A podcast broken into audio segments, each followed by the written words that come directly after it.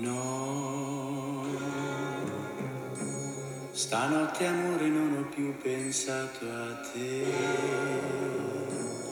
Ho aperto gli occhi per guardare intorno a me.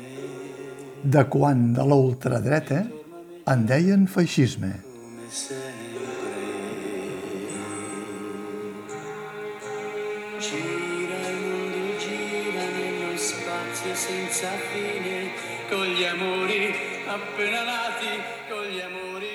No fa pas gaire, els mitjans de comunicació es van plantejar si havien de donar la veu als partits d'ultradreta que han anat proliferant per tota Europa arran de l'última crisi financera del 2008, agreujada i rematada per la crisi sanitària del coronavirus.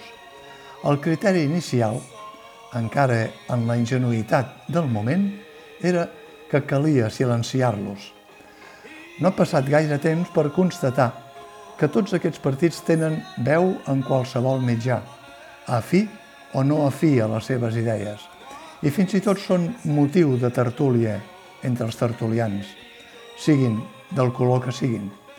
També als hemicicles parlamentaris es va intentar d'ignorar les intervencions xenòfobes, racistes i intolerants que els representants d'aquests grups deixen anar des que han aconseguit esgarrapar escons en una proporció cada vegada més superior com més jornades electorals es convoquen. Però la tertúlia també ha arribat als hemicicles. A Finlàndia, país nòrdic lluny de pensar mai que cauria en l'ultradreta, el govern conservador ja ha format coalició amb un d'ells. A Itàlia, la primera ministra ja fa temps que coeja, alliberada ara, a més, de la presència de Berlusconi, que ha fet l'últim badall entre detractors i partidaris. A França, el president Macron fa el que pot perquè Le Pen no li passi al davant.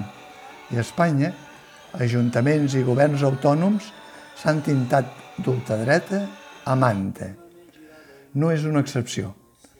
Catalunya, on, a més del Parlament, les últimes eleccions municipals han fet entrar representants de Vox a molts dels consistoris, sense obviar la tragicomèdia de Ripoll, terra de contrast entre l'abat Oliva i el record dels atemptats terroristes del 2017, que ha deixat una presumpta candidata independentista ultradetana amb la vara ben esmolada.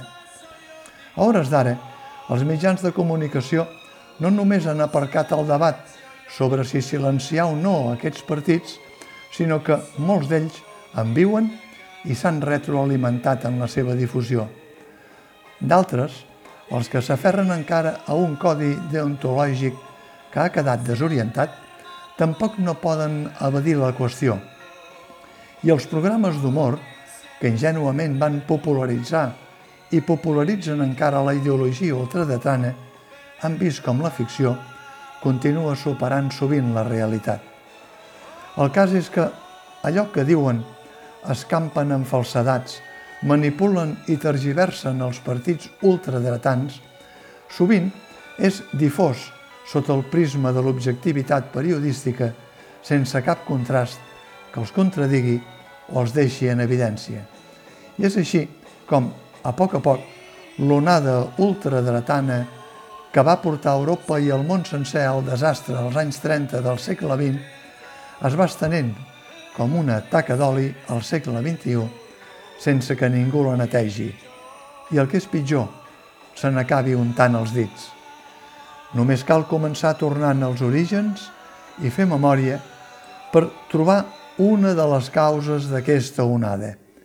De la ultradreta del passat se'n deia feixisme de la ultradreta del present es permet que els que la remenen i els que la festegen en diguin llibertat.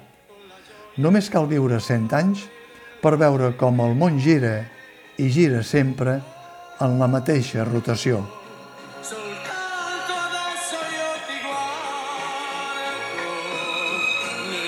silenzio mi